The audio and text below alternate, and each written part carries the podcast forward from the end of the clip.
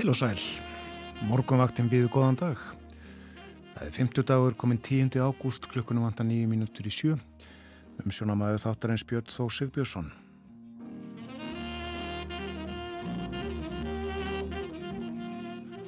Það þungbúið á landinu, skíjað og uh, sumstaðar fellur regn úr skíunum. Það reyndi til dæmis svo litið Reykjavík þegar ég var á ferðinni fyrir svo litlu síðan. En uh, bara lítil sáttareikning. Fjóri metrar 11 steg að hitti sjögráður á Kvanneri morðaustan 5 metrar þar. 8 steg að hitti í Stikisólmi skíjað 8 metrar austanátt 9 gráður á Patrilsfyrði 4 metrar þar 8 steg að hitti í Bólungavík 3 metrar. 7 gráður og 3 metrar á Holmavík 6 gráður og 6 metrar á Blönduósi. 6 steg að hitti við Söðunisvita hægur vindur hægur vindur líka á Akureyri 7 steg að hitti þar var lítilsáttar súld klukkan 6 6 gráður á Húsavík hægur vindur. 6 steg að hitti á Rauvarhöfn 5 metrar þar vestanátt Sjöstega hiti á skjaltingstöðum og 5 gráður á eilstöðum. Heiðskýrt á eilstöðum. Nánast logn. Nýjustega hiti á höfni Hortnafyrði, 11 gráður á Kvískerjum, 9 steg á Kirkjubæðaklaustri og 10 stega hiti á Stórhauða. Austan 16 þar fór í 21 metra í mestu kviðu. 10 stega hiti í Árnesi, 5 metrar tvær, þrjár, fjóra gráður á hálendinu. Tveggjastega hitti bæði á hverjaföllum og við sandbúðir. Sjöstega hitti rauna við veiði vatnarhaun Svona viðraði á landinu fyrir 50 mínútum. En uh, horfurnar það verður austanátt á landinu í dag viða 5-13 metrar. Kvassara siðst 13 til 18 metrar á sekundu þar. Og skýjaða mestu á landinu dáli til rigning af og til sunnan og söðvestalands og uh, nokkur hlýtt 20 steg að hitti í dag þar sem hlýjast verður. Hitti annars uh, 10 til 20 steg og það verður hlýjast söðvestan til. Og fá einn orð um horfur morgundagsins þá verður allviða bjart með köplum þó. Skýjað austanlands lítil sáttar væta með söðuströndinni meira um veðrið það sem er á segði í hálóftunum og uh, horfurnar fyrir helgina á eftir. Nú uh, vegagerðin greinir frá því að uh, það er ekkert ljós í múlagöngum strákagöngum nýja híðinsfjörðagöngum rafmagslust þar. Svarta myrkur segir í tilkynningu vegagerðarinnar. Já, rafmagspilun þarna. Vegfærendur bennir að aka með gát meðan þetta ástand varir. Það er einmittlegt á Dasgrá morgumvaktarinnar í dag. Bói Ágússon verður hér sest við heimskluggan upp úr hálf átta. Við ætlum líka að fjalla um íslensku kjenslu, gerum það milli átta og hálf nýju. Tölum við Ólaf Guðstein Kristjánsson sem er verkefnistjóri Íslensku námskeiðs Háskólasetturs Vestfjörða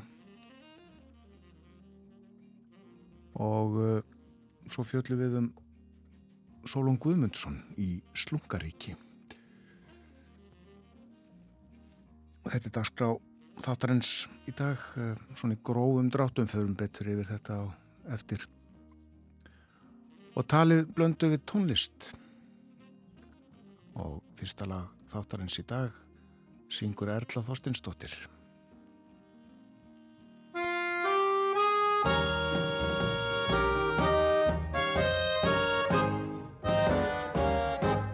Það var um nótt þú drafst á dyr hjá mér.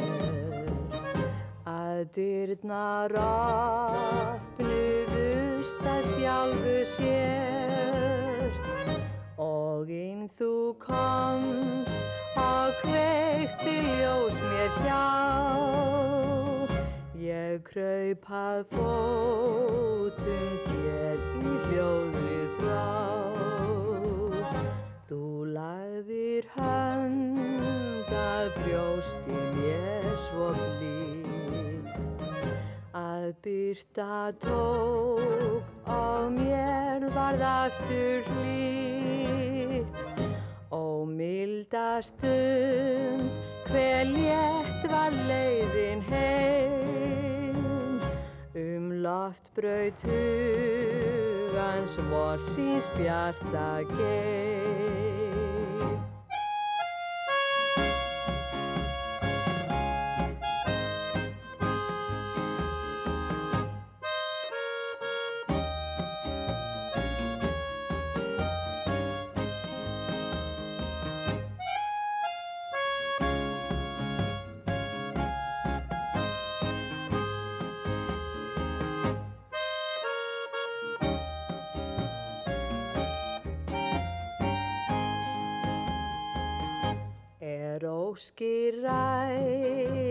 Rætast bætist böl og stríð.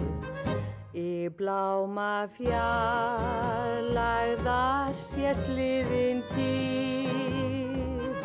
En við oss blasir björt og fögur strönd. Og bak við hana sólrík draumalönd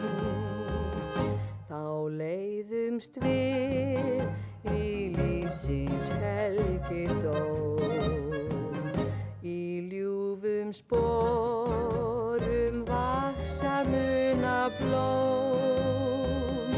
Og fótmál vor hvert skref á skamri stund. Þótt skiljumst hér er heitum endur hlund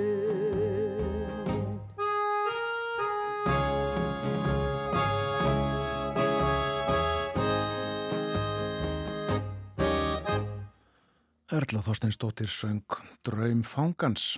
Freymóður Jóhansson samti 12. september eins og hann kallaði sig. Það líður að frettunum hjá okkur þar koma á slæginu sjö. Fáum fyrst klukknarsláttin sjö slög. Umsjónamaður fær sér aðeins meira kaffi bollan á meðan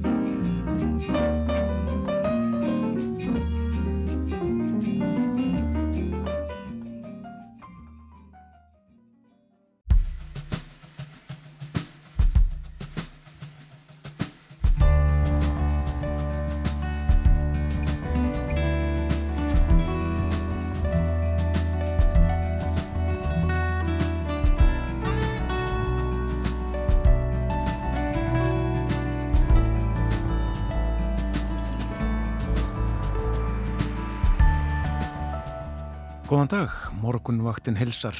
Það er 50 dagur 10. ágúst. Umsjónamaður þáttarins í dag er Björn Þó Sigbjörnsson. Og það er ímislegt framöndan í þættinum. Bói Ágússon verður hér upp úr halv åtta, heimsklukkin á sínum stað. Og við fjöllum meðal annars um Sigurgöngu Klaksvíkur í Evrópukeppninni í fótbolta. Liðið hefur þegar lagt tyrknesku og sænsku meistaranaða velli og er í bísna vænlegri stöðu eftir fyrirleikin gegn norsku mestrunum. Og það er ótt að segja að í þessum leikjum hafi Davíð mætt Góliat. Við fjöldum líka um Írland, þar er allt í blóma, allt í blóma á eiginni grænu, efnahagurinn blómstrar en svo hefur nú ekki alltaf verið raunin á Írlandi.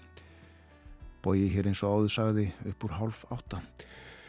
Nú íslensku kjensla fyrir útlendinga verður til umfjöllunar eftir morgunfréttinnar á Ísafyrði er vel staðið að þeim málum og bæjabúar leggja sitt af mörgum eins og Óláður Guðstedt Kristjánsson hjá Háskóla Setri Vestfjörða segir okkur frá.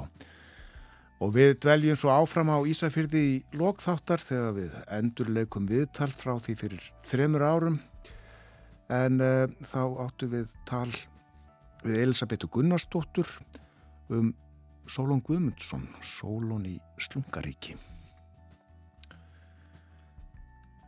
Við höfum að veðurhórun dagsins og höfum yfir hugleðingar veðurfræðings Þetta er svo litill teksti. Það er viðáttu mikið lægð langt suður í hafi sem stýrir veðrinu hjá okkur bæði í dag og á morgun. Lægðin beinir hlýjum loftmassa yfir landið. Regsvæði læðarinnar halda sig aðalega suður af landinu og ná ekki um að rétt að gæjast inn á sunnavert landið um tíma. Í dag og á morgun má gera ráð fyrir austlægri átt á landinu og uh, vindræðin víða á bylinu 5-13 metrar á sekundu. En það má gera ráð fyrir allkvössum vindstreng allra síðist, síðist engum í Mýrdal og í Örafum og uh, vindræðin þar 13-18 metrar getur verið varasamur fyrir ökutæki sem eru viðkvæm fyrir vindi. Dáli til væta viðlóðandi sunnavert landið en eitthvað ætti að sjást til sólar norðan og vestanvert, um norðan og vestanvert landið á morgun. Nú hitin er á uppleið, hæsti hiti dagsins í dag getur orðið tæpar 20 gráður og rúm 20 stig á morgun. Suðvestanvert landið er líklegast til að reppa hæsta hitan en innsveitir fyrir norðan gætu blanda sér í baráttuna á morgun. Og að lokum á nefna að það verður hlýtt á hálendinu á morgun, hiti þar gæti náð í tæp 20 stíg. Þetta voru horfurnar fyrir daginn í dag, fymdag og morgundaginn. En uh, um verið á lögadag og sunnudag segir, uh, á lögadag norrlæg eða breytilega 8-3-8 metrar. Bjartviðri á Vesturlandi, annars skíða mestu og þurft að kalla, hiti 8-18 stíg hlýjast á Suðvesturlandi. Og sunnudagurinn hæg norðlæg eða breytileg átt og byrtir víða upp en skíjaði suður og austuströndina. Hiti breytist lítið þar. Og eftir helgi hæg breytileg átt, bjart með köplum og þurft að mestu. Hiti 12 til 18 steg við að skvar. Nú uh, þá er það þessi tilkynning frá vegagerðinni sem að ég hafði yfir hér fyrir fréttinnar og uh, les aftur fyrir fólk sem var að vakna vegna ramagsbillunar eru öll ljós úti og svarta myrkur, engin umfyrastýring í múlagöngum og strákagöngum og einnig eru híðinsfjörðagöng rámaslus og vegfærandur beðnir um að aka með gát meðan þetta ástand varir. Lítum á fórsíðu morgunbladsins, myndin þar engarfalleg, tekin á Reykjaneskaganum og þarna má sjá nýrunnið raun, mosa, gras og uh, litlar hút ger ég ráð fyrir. Þarna er líka heiminin og skí. Markir litir í þessari mynd. Eldarnir sloknaðir við litlar hút, rói við Reykjanesi, segir hér í texta. Svo er uh, fjallað um þessi mál sem að nokkuð hafa verið í fréttum síðustu daga, þessi kostnaður sem á að leggjast á skipafélögin út af uh, útblæstri þeirra, skipana þar að segja. Og uh, segir hér samtök atvinnulífsins og samtök verslunar og þjónustu segja að þáttaka Íslands í ETS-kerfi Evrópusambansins sem skikka skipafjölug til að kaupa lósunarheimildir Þessi þáttakamun vega afar þungt í farmsiglingum. Innlendir neytendur, fyrirtæki og útflýtjendur þurfi óhjákvæmilega að bera kostnaðina því. Neytendur borga brúsanir fyrir sögn fréttarinnar. Morgunblæðið leitaði álits samtaka atvinnlífsins og samtaka vestlunar og þjónustu á þessu og samtökinn segja að eh, íslenskum stjórnvöldum hafi ekki tekist að verja hagsmunni landsins. Og uh, það segir hérna líka heildarmyndin er svo að markmið stjórnvalda í láfslagsmálum hafi einfallega orðið ofan á við hagsmunamatt stjórnbálum en það er svo annar að fást við afleðingarnar það er svo hagsmunagæsla sem átti sér stað. Nánar fjallaðum þetta inni í blæðinu nú uh, svo er það Guðmundur Fertram Sigur Jónsson stofnandi og fóstjóri Keresis Hann uh, hefur sendt umsögn um samgöngu áallun til uh, ásins 2034 og hann telur nöðsynlegt að ráðast í mikla vegabætur á vestfjörðum eigi áframhaldandi efnahags ævintýri að halda áfram á svæðinu. Og í umsögn sinni kallar hann eftir sex nýjum gungum á vestfjörðum. Þetta var ekki hárun ákvæmt. Fimm nýjum gungum á vestfjörðum og einum undir bröttubrekku. Og umsögn hans. Ger góð skil í morgunblöðinu og uh, svo er það baksíðan. Það er uh, sagt frá, frá uh, hólaháttíð sem framfyrir um helgina. Þetta er uh, fyrsta hólaháttíðin í umsjá nýs vikslubiskups á hólum Gísla Gunnarssonar farið hér yfir dagskrána en uh, ræðumadur Háttíðinni Ásker Jónsson, sælabankastjóri. Hann bjó á hólum, fæður hans Jón Bjarnason var þar skólastjóri. Þannig að hann ekki flutt ánga 10-11 ára gammal eitthvað svolítið Ásker þar að segja. En uh, um hvað hann ætlar að tala, já það kemur ekkert fram um það. Hvort að það er trúin, sagan sem hann þekkir ágætlega eða efnaðasmál, það kemur allt saman í ljósum helgina. Nú, uh, aðeins á öðrum fjölmjölum, eir.net greina frá uh, nýri færslu Písju eftirlitsins í Vestmannegjum á Facebook en uh, Náttúrústofa Suðurlands hefur lokið lundaralli, gerði það reyndar fyrir fánum dugum. Niðurstöðunar eru áþekkar á árið 2021. Rúmlega 4600 písjur fundust. Og uh, staðan góð. Góðu písju ári er spáð. Og uh, það uh, var upplýst líka í þessari fæslu písju eftirlitsins að písja fannst við Jóð Ellhúsið í Reykjavík nú nýverið. Bæðinins besta á Ísafyrði greinir frá því að Axel Eiríksson úrsmiður sem lengi var með vestlun og vestaði og Ísafyrði, hann mun kíkja á og lagfara eins og kostur er og smyrja og stilla klukkur á Ísafyrði, þó ekki armbandsúr. Hann verður á hlýf á Ísafyrði á morgun og lögadag, allir velkomnir að líta til hans til skrafs og ráðagerða. Og það er sagt frá tildrugum þess að þau eru þau, eins og segir hér, að þröstur heitin Marceljusson, hann var á ferðinni fyrir sunnan, hann leitaði til Axels og baði hann um að kíkja á klukkuna sína, Við þekktumst frá fyrir tíð, segir Axel, hann var góður viðskiptavinnu minn þegar ég rakum áratugaskeið verstaði og vestlun á Ísafyrði ásand mínu góða starfsfólki. Og Axel segir að þeir hafi spjalla saman um gamla daga og nýja, kom þá í ljós að sárlega vantaði klukku þjónustu á Ísafyrði.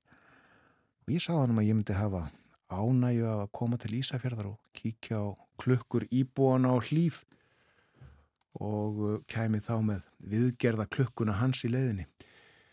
Og eins og áður saði verður Axel á hlýf á morgun og lögadag, milli tíu fjögur síðdeis. Hann býður íbúum hlýfar og öðrum ísfyrðingum upp á að skoða klukkur. Forstuðum að hlýfar er svo vætna veita mér aðstöðu til þessa verkefni, segir Axel. Og hann segir líka, árið 1973 festi ég kaupa á úsmíðaverstaði og vestlun af dánabúi Arne Sörensen sem ég raki rúmlega 20 ár. Það voru góð ár og gefandi. Stundu fyrir lífið öðruvísi en ætlað er. Ég er á leið með viðgerða klukkuna hans strastarheitins og hann farin í ferðina miklu á öðru tímabelti. En þá að öðru tónlistamæðurinn Robbie Robertson lést í gær áttræðar að aldri. Robbie Robertson var frá Toronto í Kanada. Móður hans var af frumbyggjaættum. Ungur árum fór Robbie að spila á gítar og var hljótlega komin í hljómsveitir. Og við gerum hér langarsögustutta 1965 var eh, Robbie komin í hljómsveitina sem að leik með Bob Dylan, hún hétt The Band. Og við hlustum á eitt laga sveitarinnar höfundur Róbi Róbersson.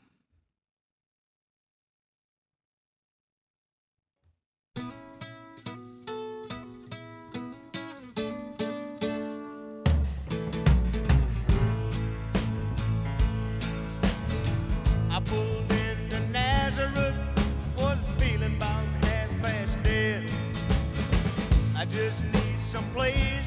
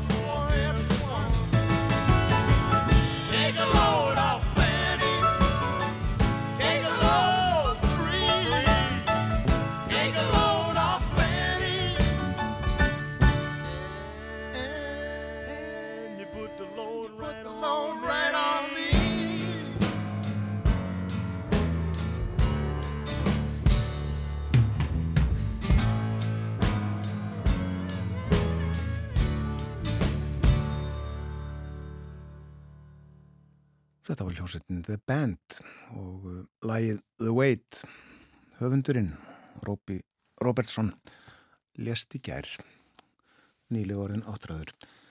Það er ímyndilegt um að vera um helgina, hins egin hátíð í Reykjavík, ég sagði áðan frá Hólaháttíð og uh, Hvannera hátíð verður líka. Og hún er haldið með hefðbundnu sniði, sagði í tilkynningu sem að bast þættinum. Og ímislegt á dagskrá. Tvent vakti aðtikli mína. Gamlar dráttavelar vera til sínis og uh, svo verður keppni í dráttarvela Akstri. Guðmundur Hallgrímsson sér um hana og hann er í símanum. Góðan dag Guðmundur. Já, góðan daginn. Er mikill áhugi á gamlum dráttavelum? Já, já, já, já. Það er nú ekkit undarlegt sko. Öllu svo miklum breytingum þegar það er komið fyrst að það er náttúrulega ekki, ekki skrítið þá að sjá áhuga ásólið gripum. Breytistu þetta allt í sveitunum og landbúnaðinum? Já, breytistu all vinnubröð náttúrulega. Alveg ísvega hafaðu alltaf verið að breytast sko, þannig að fyrst var allt unni með höndum og svo var unni með hestum og svo koma vélarættan í hestan og, og svo komu vélar í staðin fyrir hestana og, og þetta er svona alltaf alltaf verið nýjir tímar bara og nánast á hverju ári Já. svona undanfært ára tvíina. Hvena fóru dráttavélarnar að berast til landsins? Það er komin, fóru að koma þannig bara, já, komin ekki 1980 svo fyrsta Akranesvílin. Gamla sem að var þar það var svona það var svo náttúrulega jógst þetta nú. Henni var náttúrulega ekki dvalega vel tekið fyrst svo sem en það var það bara síns tíma sko. Já. En svo bötnaði þær Já, já, já, já, já, já, og það hefur alltaf verið að breytast alveg síðan saman þennan dag, sko. Já, mikil tæki. En uh, eru margar uh, gamlar dráttavélar í góðu ástandi til? Já, og það er nú alltaf verið einhverjir áhuga menn sem er að gera upp svona vélar og það er bara blessunlega gott, sko. Ég held að sé alltaf til svo gammalt hræja sé ekki að gera það eins og nýtt. en það tekur tíma vandarlega? Já, já. Ég hef nú sagt að meðgöngu tími og gera upp svona dráttar verður svona 5-7 ár sko út í bílskúr. Já. En þessar komnu dráttavilar sem að verða til sínis í hlaðinu á kannarabúinu, eru þar í eigu búsins eða nei, koma þær annar staðar að? Sko, það kom bara gestur og gangandi kom bara með sínar, sínar vélar sko mikið. En svo er náttúrulega til fullta vélum á, á búvélarsafninu hérna á kanniri. Einmitt en það eru náttúrulega flestar í húsi en þetta er nú aðalega svona vila sem að, að koma að Og svo að keppa í dráttavélarakstri Já, það er svona svona bara til gaman skert til að sína hvernig hljóðin og hljóðin og reyfingarnar er í þessum tólum sko. Fer svo keppni fram, fram á gömlum og góðum eða nýjum? Nei, það, það er á gömlum sko. Það er á gömlum, já. Já. Það er nú ekki tilgreint eitt sérstök ágjörð svo sem það er svona ágjörð þau eru eldri en svona svo það við getum sagt svona 75 eldri en það Já, það er nú ekki fyrir hvert sem er að aka uh, gamalli dráttavil maður þarf að vera handsterkur er það ekki? Já, það var náttúrulega ekki vöggvast til það fyrst en þá verður menn bara sterkar því að keira það sko Já það þætti holdið að vera í ríkamsræktastöðarlega sko. En svo kom vöggvastýrið og það hefur bylting trú ég. Já, já, það var mikið bylting þegar þetta var svo miklu, miklu librara sko. Og, og þægilegi nótkunn sérstaklega að túnu voru nú allavega brött og slitt og allavega þá náttúrulega munið að það feiknalega miklu sko. Viðbriði fyrir bændur og bólið. Já, mannum brátt aldrei við sko. Það var náttúrulega eins og með gamla bændur þeir voru nú kannski ekki allir með bílpróð þeir voru að kera á traktorum út um allar sveitur og þeir voru svona fylgjast með í því sem var að skegi kringuðum og horfa á kindur upp í fjalli og konur út í kant kannski og, ríkstu vilin inn á veginn aftur en svo komaður aftur með vöggvastil og þá aftur til þeir færi bara út af veginum hinum megin sko. Það er snegli í reyfingum Já, þeir áttu þessi ekki alveg á viðbræðinu. Já, það breytist náttúrulega verulega mikið. Já, já.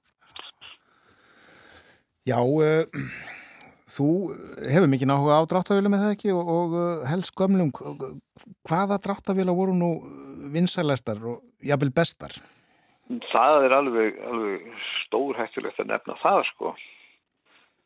Það er svo mikil trúabröði kringum það en, en þetta sko jú, þetta tók líka breytingum. Það komu náttúrulega velar sem að höfðu batsins tíma og komu nýjar og menn heldur nátt tryggðið sömu tegundina. Margir hverjir. En uh, það er ekki þekkt að segja endilega hvað var þetta allir allt sem að meir, meir og minna byrtingu er að koma nýtt sko. Já, býtu ég þekki Massi Ferguson og, og uh, líklega bara Setor. Já, já. Já, já, já, þetta er allt notast. En það er nú til félagskapur hérna sem heitir Ferguson félagið Já. og það er nú drúst félag því að það er alveg ótrúlega margir konur í það, það var, ég held að það hafa verið fyrst svolítið að þetta voru einhverjir sem að sem hafði átt Ferguson og hefði áhugað sem stofnuði félag og stega Ferguson og svo náttúrulega komið fleiri inn í þetta og það var og svo var, var breytist það nú í það að þeir voru gjaldengir bara eða ættu eða hefðu áhuga á gömlum vélum. Þetta svona þróaðist í það. Já. og Ferguson félagi það lætum til sín taka svona hátíðum út um allt land eiginlega allt sumari þegar koma við að sapna saman gömlum vélum og, og sína þeir og ég er náttúrulega heiður skilir fyrir það sko Akkurat. Já, það verður líklega líf og fjör á Kvanneru um helgina en, en uh, hvernig er þessi morgun? Er skíjað hjá þér? það er sólarlöst en gott veður það er svona búið að vera hérna í einn og halvan mánuð svona bara blíða Já. Og, og úrvals að, aðstæður fyrir fyrir túnin er það ekki? Gras ekki sprotti ágætlega? Já, ég, ég er nú að segja það að þegar það er búið að vera eins veður í þrjá daga þá er komið neðar ástand sko að það er rigning þá var allt orðið og blökt og, og svo þegar það er þurrkur þá var allt orðið og þurft en um, það er nú orðið daldið svona þurft, þurft við það núna sko Já, ofþurft sem sagt. Já, svona það sem eru harfi vellir Já, akkurat. En hérna er, sko, það er búið, að koma því bara í lög held ég að það sé alltaf gott viður og kannari beinu, svo sem að tristur alveg á það, sko. Það er nefnilega það. Já, já, það gengi ágjörlega að fara eftir því, sko. Já, og hún sem sagt á lögadaginn 12. ágúst. Hún er á lögadaginn 12. ágúst, já. Þá eru rjóma blíð á Kvaneri. Já, já, já, það er ekki nokkuð að við, sko. Þakkaði fyrir spjallið Guðmundur Hallgrímsson. Já, það er nú ekkert, svo sem. Að bara. Njóttu dagsins. Já, Guðmundur Hallgrímsson á Kvaneri við töluðum uh, aðeins um traktoruna. Var ófánlegu til þess að segja nokkuð um uh, hver eru bestir. Enda ólíkt matmanna á því. Já, uh, líkast trúabröðum. Fréttaði við litið framöndan hjá okkur á morgunvaktinni og eftir það verður Bói Ágússon hér með okkur. Sest við heimsklukan.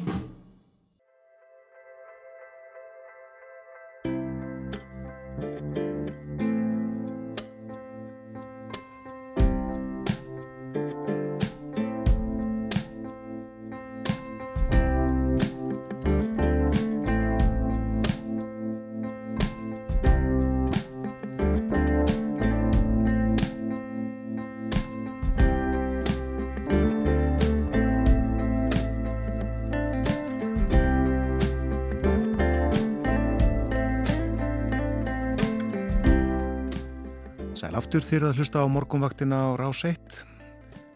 Klukkan er réttliðlega halv átta, það er 50 dagur í dag, 10. ágúst.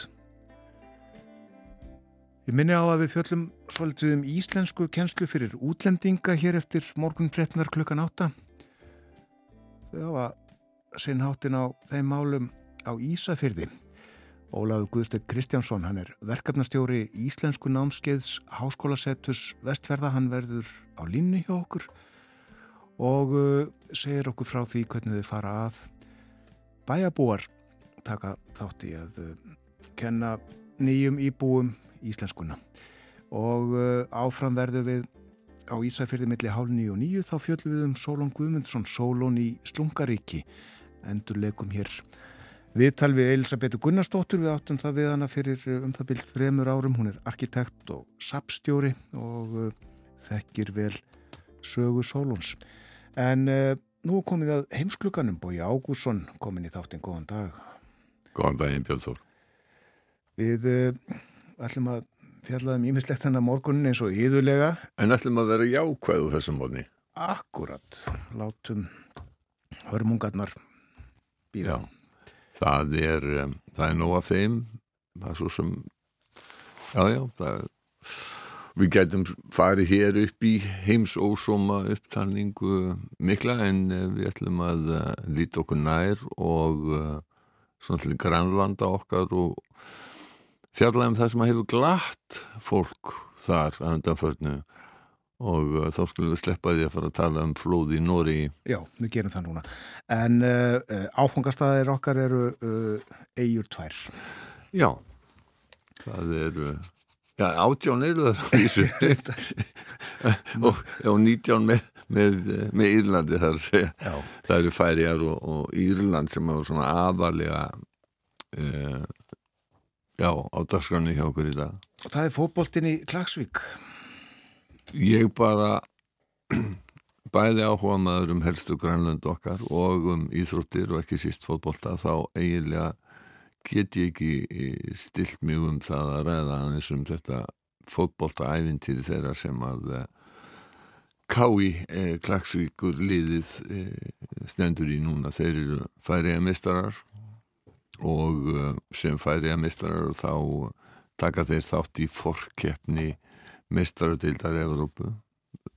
Breyðablík tók þátt í þessari sömu keppni og gekk mjög vel en, en, en blíkarnir þeir uh, svona lendu á dálítið stóru líði í annar umferð FCK er að knaspinu Kaupanahafnar og uh, töpuðu sem var ekkit óeðlegt uh, færingarnir hafa líka lent í erfiðum líðum þeir svona fyrsta verulega erfiða liði sem þeir lendi í er Ferencvaros sem eru mistarar jungur í landi og fyrir þá sem að muna lengur en hálft ára aftur í tíman í fótbolta að þá var Ferencvaros einu sinni stórveldi í evrópskum fótbolta þó að uh, það hafi nú svona heldur dreigið úr styrk þeirra á síðustu árum ef að miða þeir við uh, önnur evrópsk lið og sáleiku fór 0-0 heima í færiðum en færinga gerur sér lítið fyrir unnu 3-0 úti. Og þetta þótti mikil tíðindi og ekki mingaði styrkur anstæðinga þeirra í næstu umferði það voru svíþjóða meistarar BF Hekken sem er frá Gautaborg.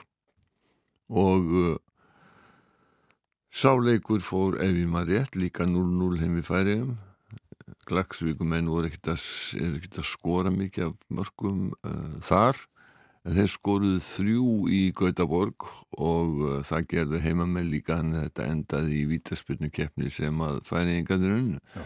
Og þar með eru þeir komnir nú, nú eru þeir sko þeir eru núna tveimur skrefum getum við sagt frá því að komast í riðla keppni mistaradeildarinnar þar sem að þú ert með lið sem að eru já, með, þá ertu komin með, með Barcelona, Real Madrid Bayern München og, og, og Manchester City og, og lið af, af þessum kaliber. Um, en uh, það er nú ekki sopið uh, kálið þó ég auðvitað þessu komið. Nei. fyrra skrefið sem að þeir þurfa yfirstíga færingar til þess að komast í riðlakeppnina er að vinna nor norsku mestrarna í Molde. Og fyrirleikurinn var í fyrrakvöld þurftaskvöldið hann var í Þórsöp vegna þess að uh, heimavöllur þeirra Klaksvíkinga hann tekur bara 1500 og stendst ekki kröfur uh, knæspöldu sambands Evrópu, þetta er svona svipa á með K.A. sem að þarf að spila sína heimaleiki hér fyrir sunnan sem að manni finnst nú létt fáránlegt að, að, að knæspöldu félag Akureyrar skuli þurfa að fara í útkværi Reykjavíkur til þess að spila sína heimaleiki en hvað um það, þannig eru reglurnar og, og K.A. náttúrulega hefur gengið gríðarlega vel líka sömuleiðis þó að þeir séu ekki e, e, sko mistaradeildinni fínust svo kemur uh, Evrópadeildin og svo kemur sambandsdeildin. Uh, uh, og Káa er búið að slá út tvö ellendlið núna síðast Döndolk frá, frá Írlandi. En sem sé Kái Klagsvík þeir þurfa að ná jafntefli eða, eða, eða vinna í setni leiknum í Molde sem að verður í næstu viku og þá eiga þeir eftir eitt leiki viðbútt. Hvernig sem fer að þá eru þeir komnir að minnstakosti í riðilega keppni sambandsdeildar Evrópu. Þetta þýði að segja uh, fróðir knarsputnur sérfræðingar segja mér að þetta þýði svona í peningum talið að þeir skaffa sér inn að minnstakosti hálfan miljard íslenskra króna sennilega meira því að það er umtalsverðu peningu þegar út komin í, í, í riðlakefnina nú félög í litlum löndum eins og Íslandi og uh, á uh, og í færium þau gætnan þurfa já, talsvægt að fjö úr annarkort sölu leikmanna eða með þáttöku í Evropakeppninni til þess einfallega standandi rekstunum. Það er ekki það margi sem að koma og borga sín á, völlin þannig að það standi undir rekstri knaspundeilda sem að er mjög dýr núna sérstaklega þegar að leikmennir ekki hreinir áhuga menn lengur, lengur, lengur. En þeir eru mikið til áhuga menn í klagsvíkuliðinu? Þeir eru eiginlega, já, ég held að einna tveir sem að væri hægt að líta á sem, sem, sem allunumenn og, og hérna helsta hetjan þeirra Átni Freyrisberg sem að hefur sem að skoraði bæði mörkinu móti Moldi hann er til dæmis að, að vinna svona bara yfir daginn og svo klukkan 5 þá kemur hann á, á æfingar hjá hjá hérna hjá klagsvíkingum sko hann normen kolluðan hérna pítsusala í viðtali við NRK vegna þess að hann vinnur fyrir einhvert uh, heilsölu fyrirtæki sem að meðal annars selur norskar pítsur, fristar norskar pítsur. Og uh, en um, hann skoraði bæði mörkin uh, gegn norskumistránum í Molde og uh, svo hefur hann í hildina gert sex mörk í Uh, uh, hinga til sko. Nú skal te tekið fram að Klagsvík er uh, áleikast og aðeins stærri, það er aðeins fleiri sem búðar heldur en á Seltjarnesi og okkur þætti sjálfsagt tíðundum sæta ef að, ef að gróta væri búin að slá út þau lið sem að, sem að þeir Klagsvíkumennur er búin að slá út núna sko átni þessi hann, hann er búin að spila já, eitthvað annan tug landsleika fyrir færiðar en ekkert á, á allar síðustu árum.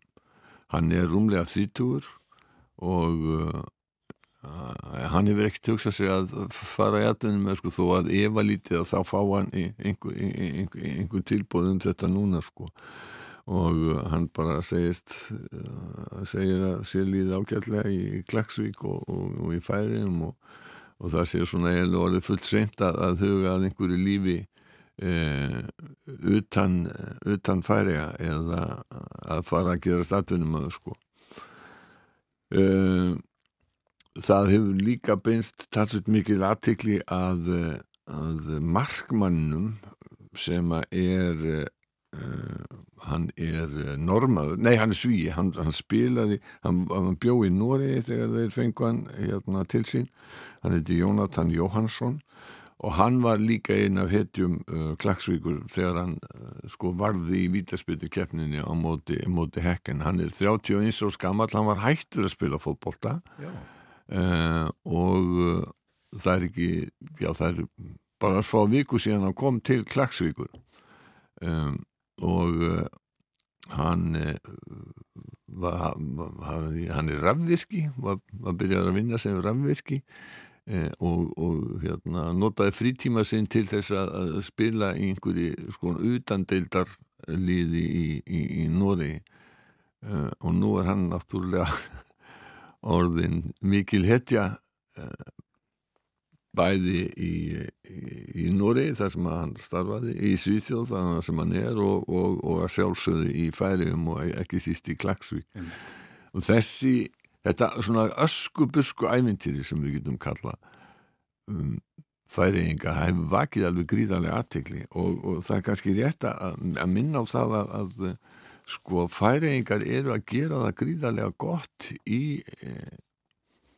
íþróttum almennt handbóltalansliðið þeirra það er í fyrsta skipti komið í úrslit á stórmóti það er Evropakeppnin sem að verður í Þískanandi í janúar og þar verða Íslandinga nú sömulegis eh, en eh, og svo er ungmennalansliðir að hvað held ég undir 19 sem að er eh, að spila akkurat núna og á eftir á leik núna í fjörðungsúslitum í uh, heimsmeistarakeppninni í handbolta. Það er mót sem að framfér í uh, Kroatíu og ég held að það sé bara núna klukkan 11 sem að þeir eiga að spila við Egipta sem að um, meðal annars hafa unnið uh, íslenska liðið.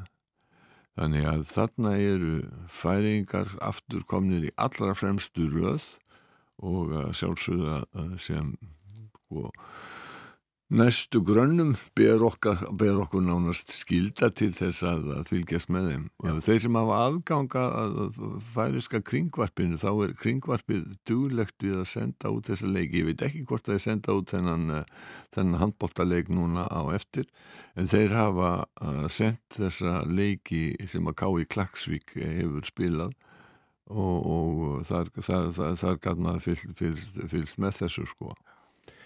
Já, uh, lífið er uh, íþróttir í færiðan þessa dagana mm. uh, og þá ekki síst fótbólti eins og Já. við nefnum og, og það er auðvitað búið að semja lag.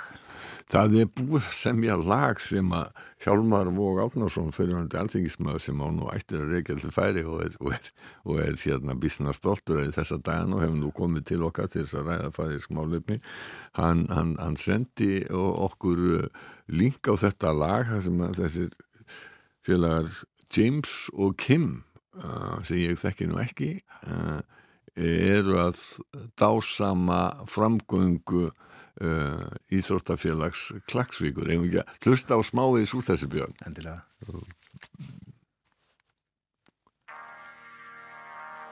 Já.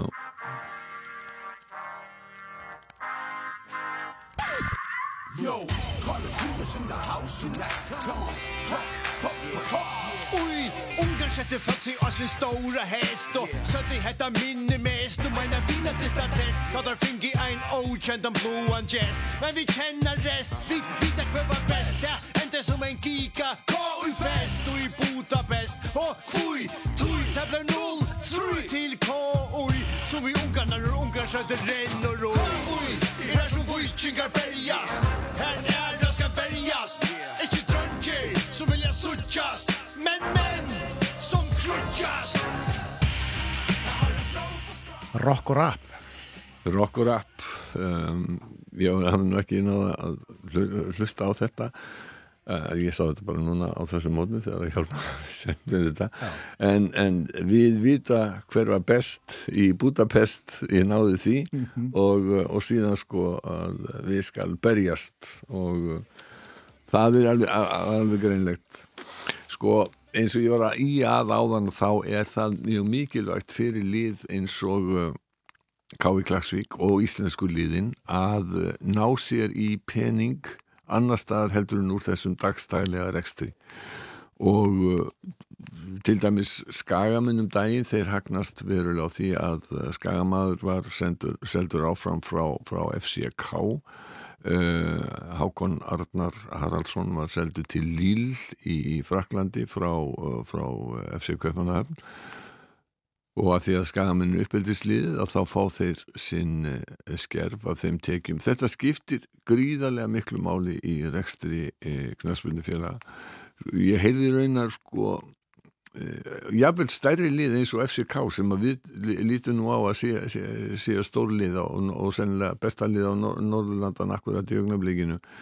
Þeir byggja líka talsast upp á því og þeir vita það að ef þeir eru með stjörnur í höndunum að þá þurfa þeir að, að fara eitthvað lengra. Og til dæmis var Manchester United núna að kaupa einn af þeim sem að FCK hefur alveg upp, Rasmus Højlund voru að kaupa hann frá Atalanta á Ítalíu þánga sem hann hefði farin ég heyrði og þetta sko þetta, auðvitað getur þetta verið mjög erfitt fyrir mjög unga drengi.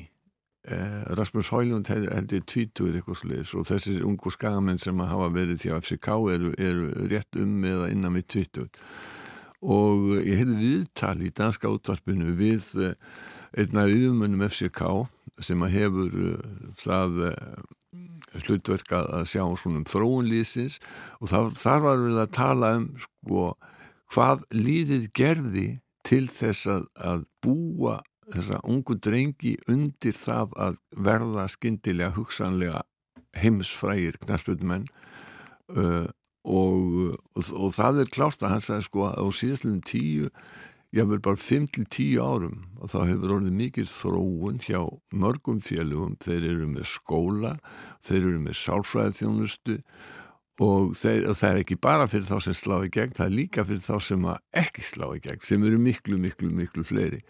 Þannig að það er svona vel að reyna að taka utan þessa drengi og, og, og búa þá undir uh, það, sem að, það sem að koma skal, skal vombriði oftast en í sömum tilfellum uh, sláður, þessi drengir í gegn og sem sjá Íslendingar, það voru nú allmargir Íslendingar hjá FCK og, og eh, eins og ég var að segja sko að um, Hákon Arnar er farin og, og nú er Ísak Bergman uh, Jóhannesson sem er líka skamaður að búið að lána hann til Fortuna Düsseldorf.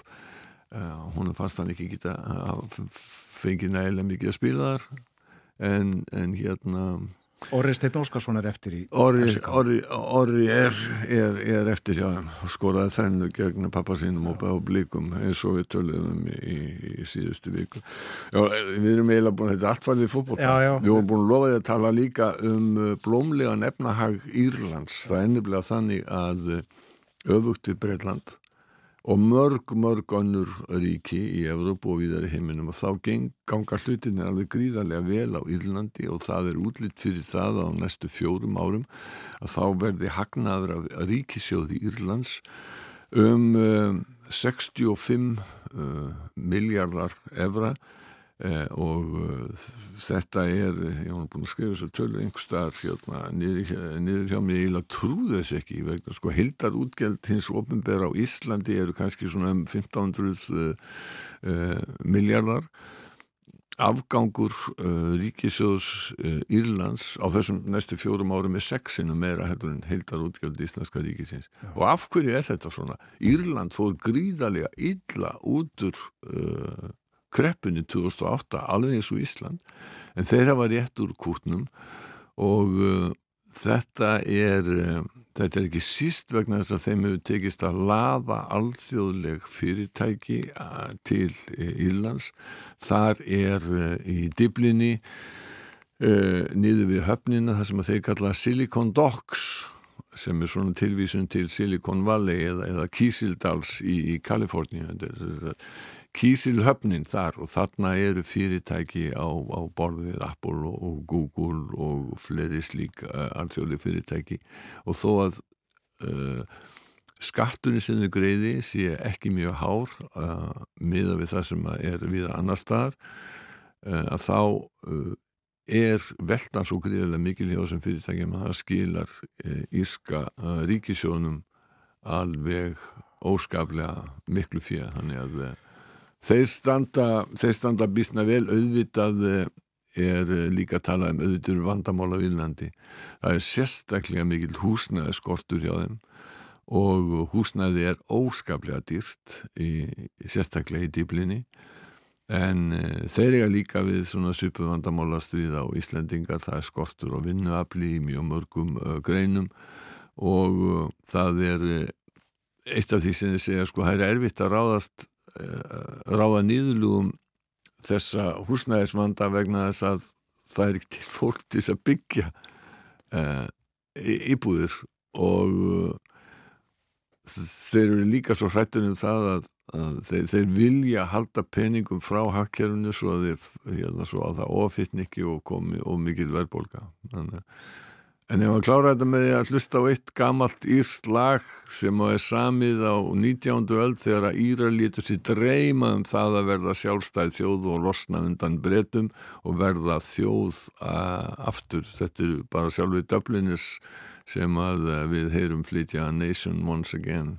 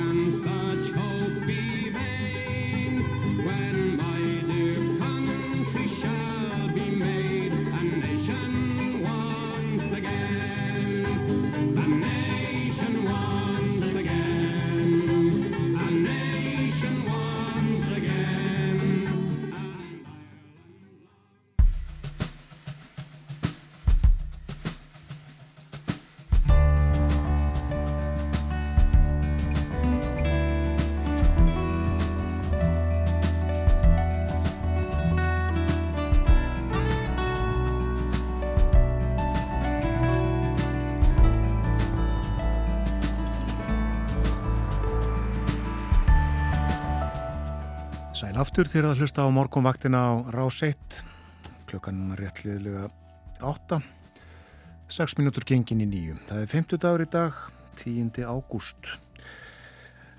Við bói Ágússon rættum hér svolítið um fótbolt áðan í heimsklukanum til efnið uh, eh, þessi síguganga Klagsvíkur í uh, fórkeppni Evrópukeppninar Klagsvík hefur gengið alveg hendt ótrúlega vel liðið eh, þegar lagt ungversku og sænsku meistaranaða velli og hefur yfir endina eftir fyrirleikin gegn þeim norsku en uh, setni leikur Klagsvíkur og Molde fer fram í næstu viku. Í uh, dag eða kvöldleika hins vegar tvö íslensk lið í uh, Evrópukeppninni. Uh, Káa sækir Brugge heim til Belgíu og breyðablík leikur í Bosníu-Herzegovinu gegn Srinski Mostar. Rétt að koma þessu að. En uh, nú ætlum við að fjalla um uh, allt annað en uh, fótbolta, við ætlum að fjalla um íslensku kennslu og hvernig við kennum útlendingum íslenskuna. Þau hafa sinnhátt á því á Ísafyrði á Háskólasetri Vestfjörða og virkja meðal annars almenna bæjabúa. Óláfi Guðsteit Kristjánsson er verkefnastjóri íslensku námskeiðs hjá Háskólasetrinu. Heil og sæl og góðan dag. Já, góðan og blessaðan daginn. Góðan daginn. Já, uh, þetta er tölvert rætt, uh, sko, uh, hvort og hvernig útlendingar sem að hinga að koma eiga að læra íslenskuna. Segð okkur hvernig þið farið það? Já, við í sem tjómstu máli, það var náttúrulega þetta að tala um þetta endalöst, en ég þykist nú vita að tíminn sé að skornum skamti, en svo er raunin á gerfinnættar öll. En við trúum því og staðfastlega að besta leiðin til þess að læra tungumál út í samfélaginu. Að nefnum fái þess að tól og tæki til þess að nota úti í kennslustofinni. Þannig að, og það er til lítils að læra íslensku í kennslustofinni að maður fær ekki tækifæri til að nota þau. Og síðan vill oft brenna við og maður tekur eftir því sjálfur þegar maður kennir að þegar verða að kenna íslenskuna þá uh, í pásunum er strax skipt yfir í ennsku. Og það er einhvern veginn þetta hugarfar í íslenska samfélaginu að ennskan sé alltaf ok. Af því að ennskun er alltaf gefin sjens en sjálfnast íslenskun.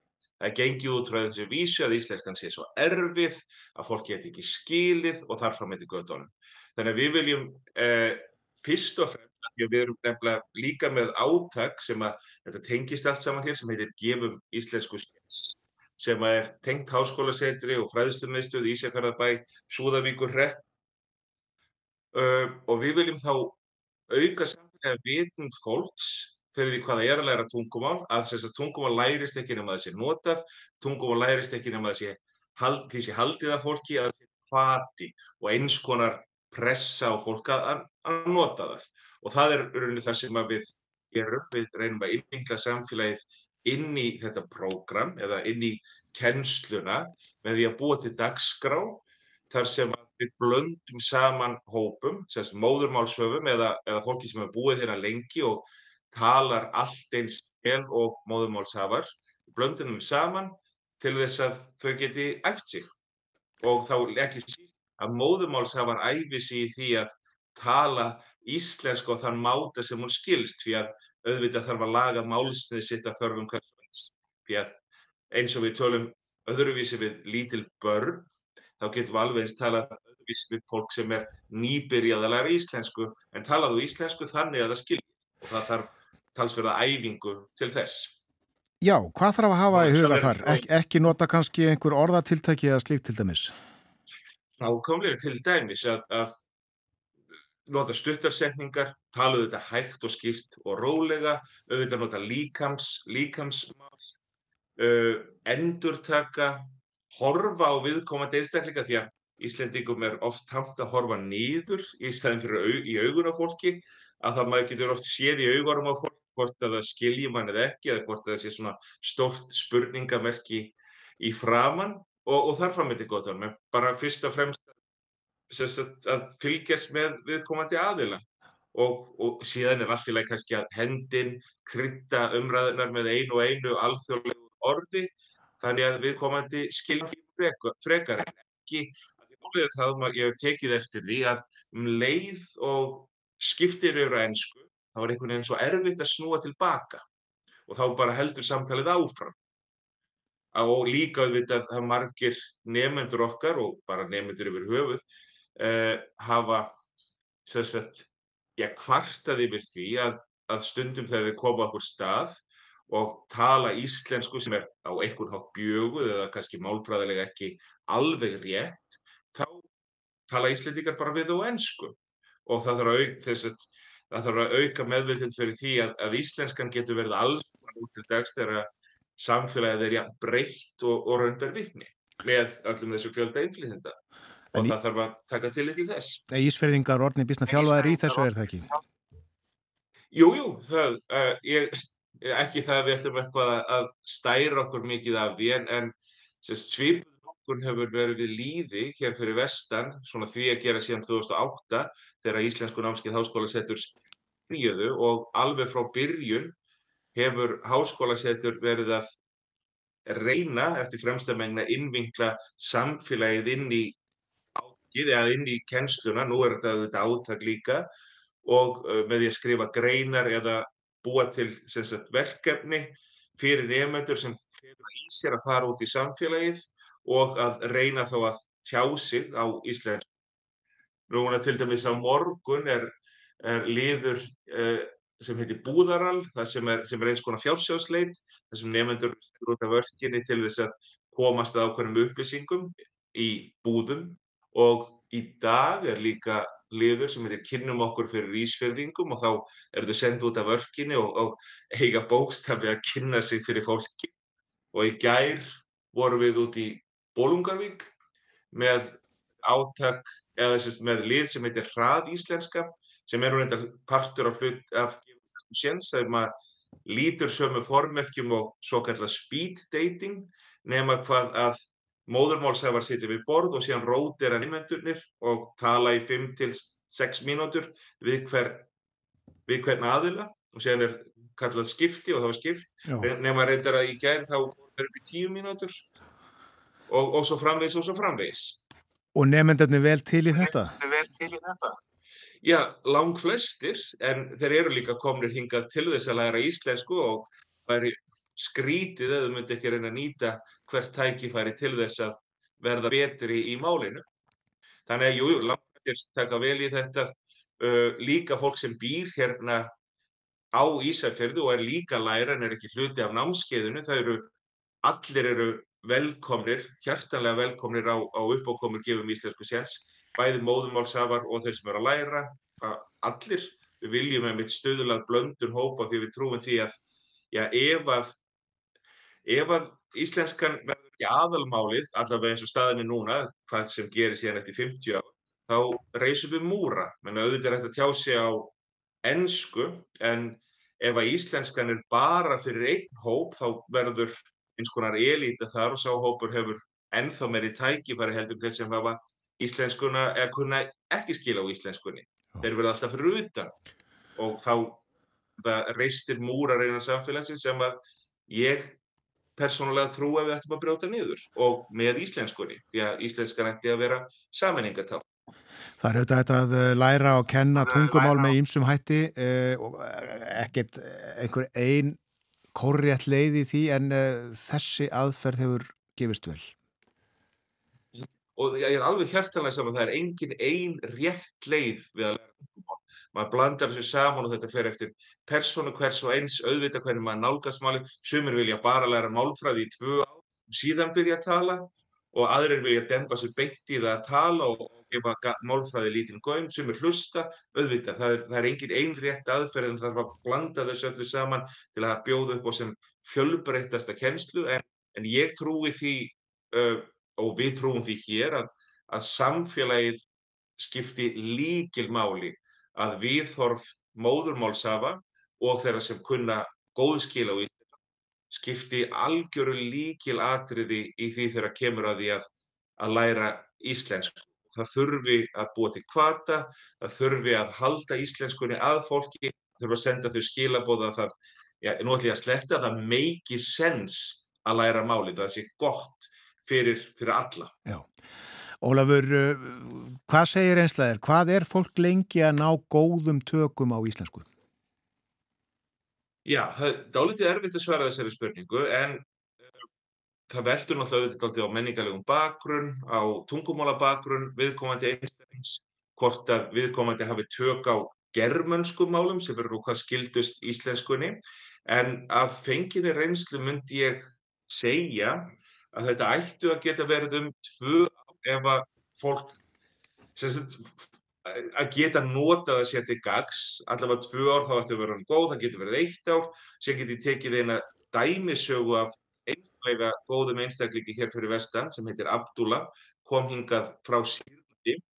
Og vill nefnilega svo til að hann uh, kom hingað og kunni ekki ensku, enga ensku.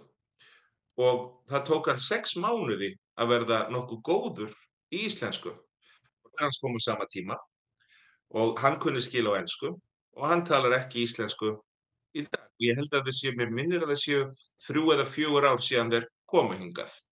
Þannig að þetta veldur auðvitað bara allt á kvartarum, þetta veldur á þessi miklu tíma maður eigðir í íslenskuna og við samfélagsins. Því að í tilfelli Abdullah þá talaði fólk við hann íslensku. Hann fekk stöðuðan hvað að verða betri og stöðug tækifæri til þess að nota málið.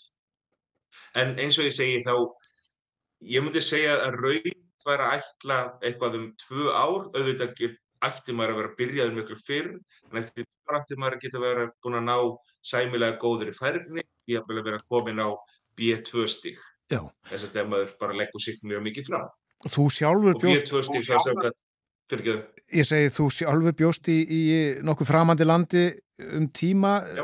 Kroatíu, tókst þér að ná tökum á kroatískunni? Uh, uh, já, ég, mér, mér tókst það sæmilega, ég er slarkvergin, ég er ekki eins góður og ég myndi vilja vera. Uh, börnin mín og kona mín gera nú enn grínað mér fyrir slælegan framburð á sömum orðum og ég geri auðvitað místök. En, en ég er einhvern veginn góður heitli búin með það hugafar að, já, að afsækið orðböð að gefa þetta aldrei skít í það, heldur bara láta vaða og læra af mistökum og það er líka sem við hvetjum nefnendur til að gera, bara hugsa ekki of mikið, láta málfræði og framburð ekki endilega vera hindrun, heldur læra af því mistökum sem það gerir. Þannig að, en jú, vissulega hef ég gengið í gegnum svipaða raun og það hefur gefist mér best að, að segjast ekki tala ennsku eða bjóð ekki fólk og að pína í gegnum þetta og þannig hef ég náð uh, árangri. Já. Er margt fólk á... Slikti saman gerði ég reyndar í Þískalandi líka, því ég bjó líka lengi í Þískalandi. Já, reyndist vel það líka. Já. Er margt fólk á námskeiðum hjá ykkur núna? Það eru, það verða sér að fjögur námskeið í gangi og fram til 1. september og þetta eru í heldin eitthvað um 60 manns. En akkur núna eru tvö námskið í gangi og það eru tæplega 30 Já. á þessum námskið sem eru í gangi akkurat núna. Já. Hefst nýtt í næstu viku og síðan verður námskið sem hefst 21. ágúst. Gaman að fylgjast með þessu, uh, gaman að heyra að þetta gengur allt saman ljómandi vel. Þakka er kærlega fyrir spjalli og segja okkur frá þessu hvernig þið farið að því að kenna útlendingum íslenskuna. Já, þakka, þakka þér. Ólafur Guðsteit Kristjánsson er verkefnistjóri í Íslensku námskeiða Háskólasetturs vestferða langu titill. Sambandið ekki upp á það besta. Við stafsökunar og því. En uh, vonum að þetta hefði komist svona þokkalega til skila það sem okkur fór á milli.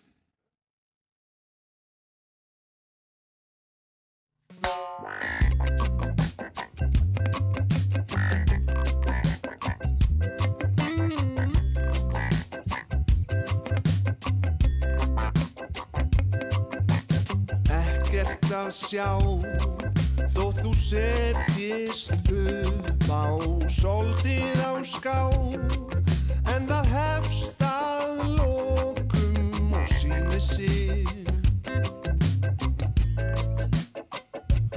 Kanski setna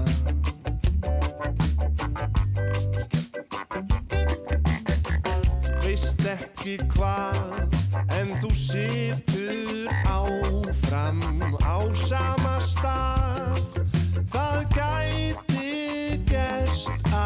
síni sig Hugsanlega nú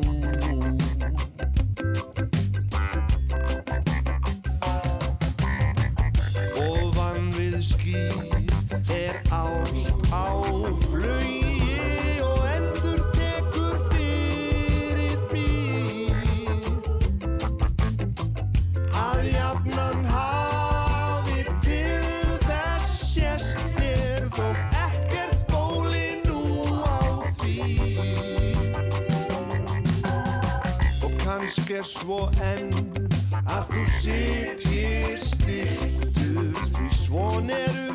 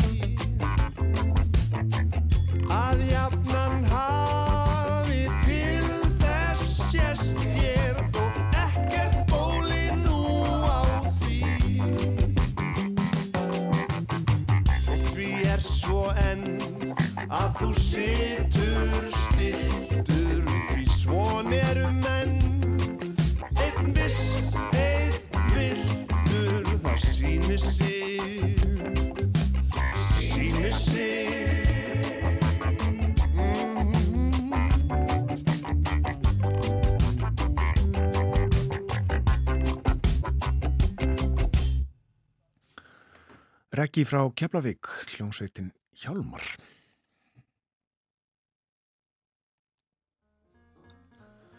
Klukkan er 24 minnur gengin í nýju. Þið eruð að hlusta á morgumaktina á rás 1.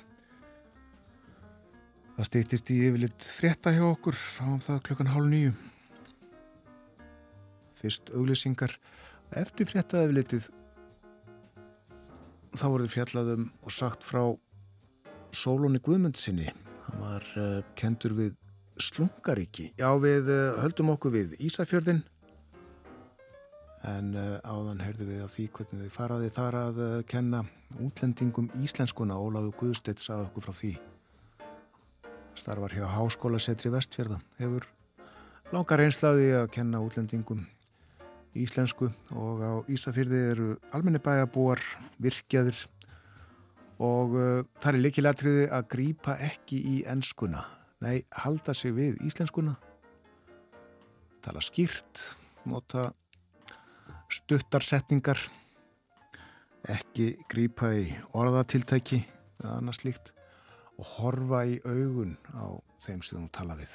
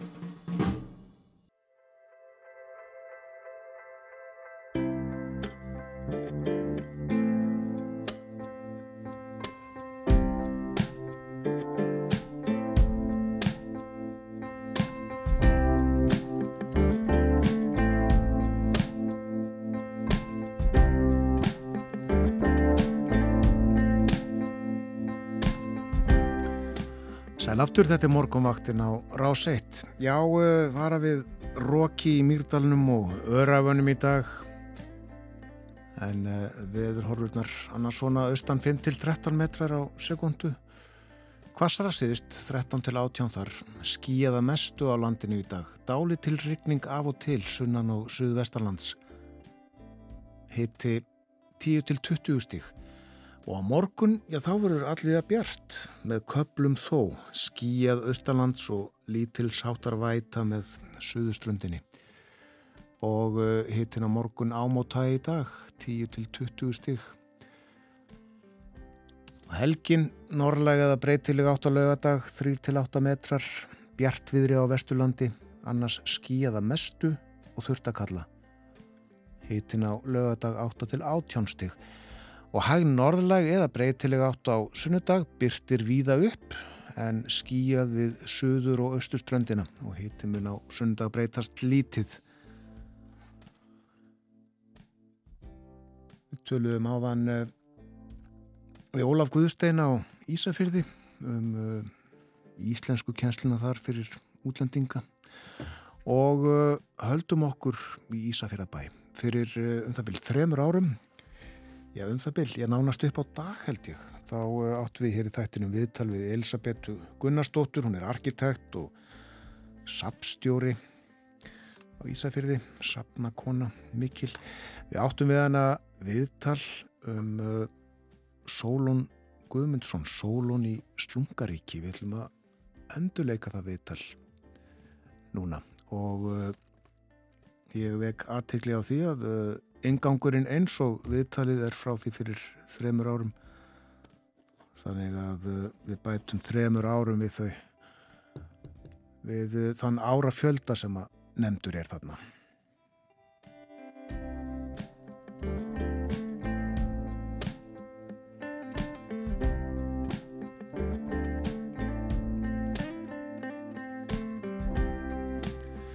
Á fymtudaginn í síðustu viku, þann 7. ágúst, voru liðin 160 ár frá fæðingu Sólons Guðmundssonar.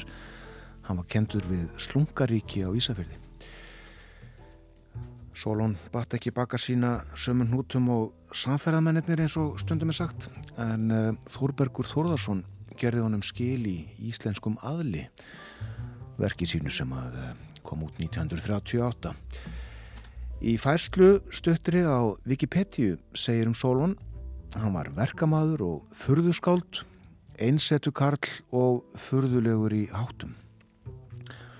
En Sólun var ekki síst þekktur fyrir bæin sinn Slungaríki sem að stóði hlýðinni fyrir ofan Krókin sem svo er nefndur þarna ofan eirarinnar húsið hans var að öllu leiti óvinnilegt. Í símanum er Elisabeth Gunnarsdóttir sem að þekki nokkuð til æfi Solons hún rekur galeri útkverfu á Ísafyrði og kom á sínum tíma að starfsemi Slungaríkis þar í bæðis sem var listamiðstöð og síningasalur og uh, hétt og heiti kannski enn eftir bæ Solons. Góðan daginn Elisabeth. Já, góðan dag. Já, ég, ég reyndi hér áðan að gera svona sæmilega grein fyrir því hvar Slungaríki stóð. Getur þú byrjað á að reyna að lýsa því aðeins betur en ég gerði?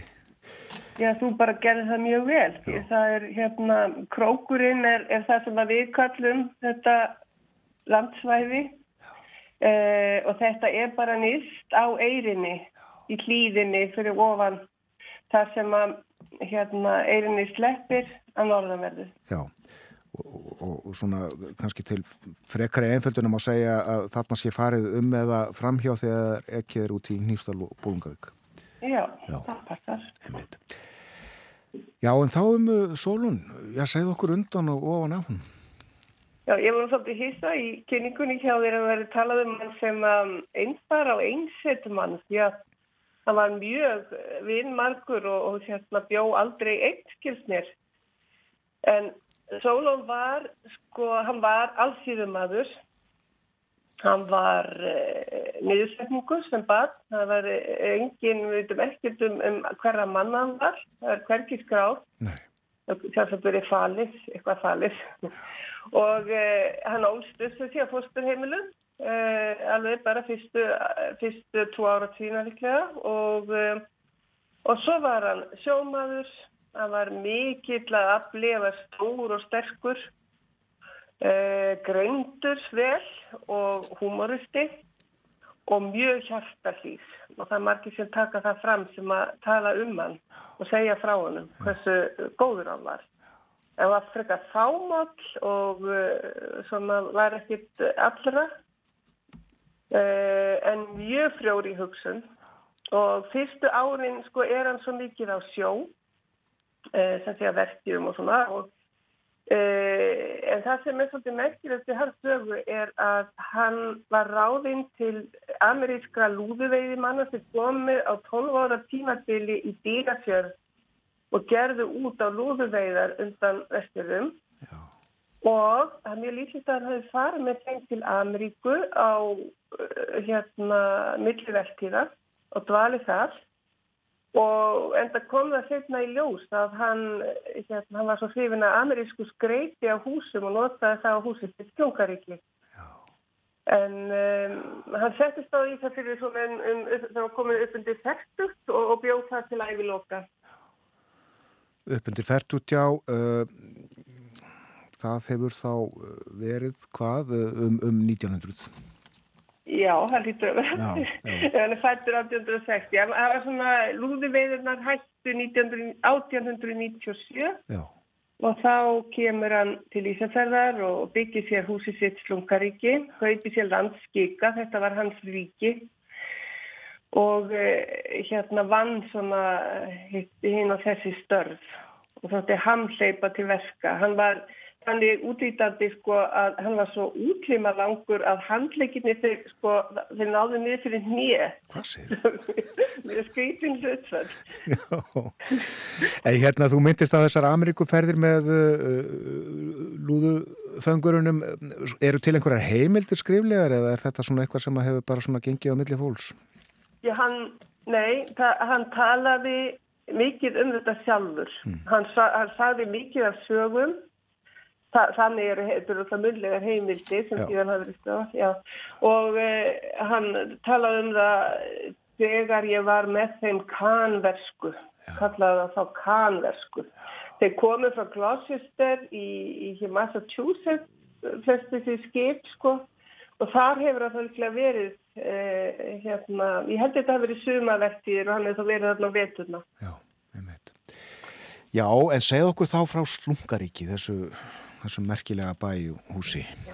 Mm. Já, hann var náttúrulega afskaplega hérna frumlegur í hugsunum og mikill heimsbyggingur og uh, húsið var óvenjulegt að því leiti það var, uh, það var með alls konar útskotum og alls konar skreiti.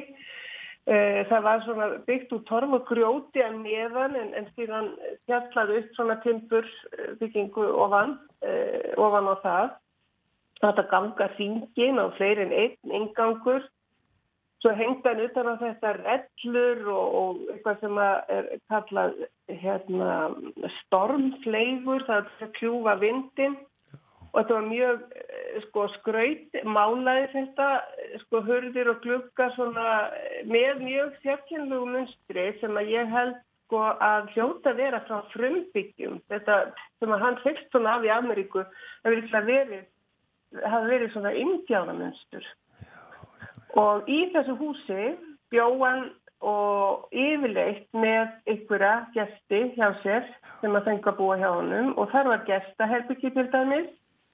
Pínulítið og rúmið var svo stutt að, að það var, hérna, var eitthvað að krjúpa í því og hérna, en það hann bætti það upp með dýftinni þannig að gestur þetta þurfti að sofa svona halv uppréttir. En, en ekki mikið plás og, uh, það, og svo málaði þetta þetta var svo skrautlegt allt og, og, og með sjóðum Já af því að það voru allar þessar reglur sem átt að vera, átt að vera til þess að fæla frá illa anda. Já, já, já.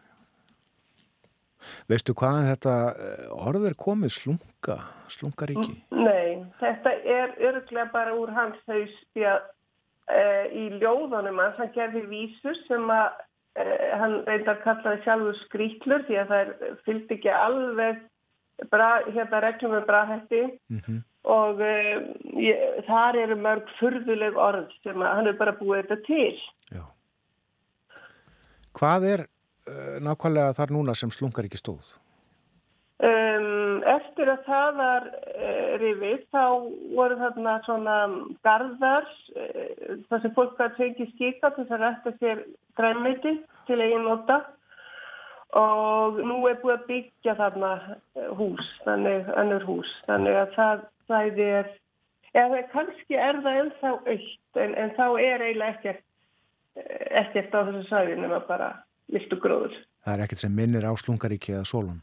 Nei, en hins vegar erum við með- hugmyndir um að fyrir þessu hugmynd að, að endurreysa það þá kannski til þessu okkur hérna, arkitekturnema og fólk sem er, hefur áhuga á sérkennum byggingum Já. og endurreysa það því að þetta er náttúrulega með ólíkildum hvað þetta var frumlegt og skemmtilegt. Já, uh, Sólun settist það á Ísafyrði um uh, 1900 og uh, hann lést 1931. Uh, hvað Elisabeth heldur og, og, og veistu um hvað samtíðamönnum hans á Ísafyrði fannst um hann?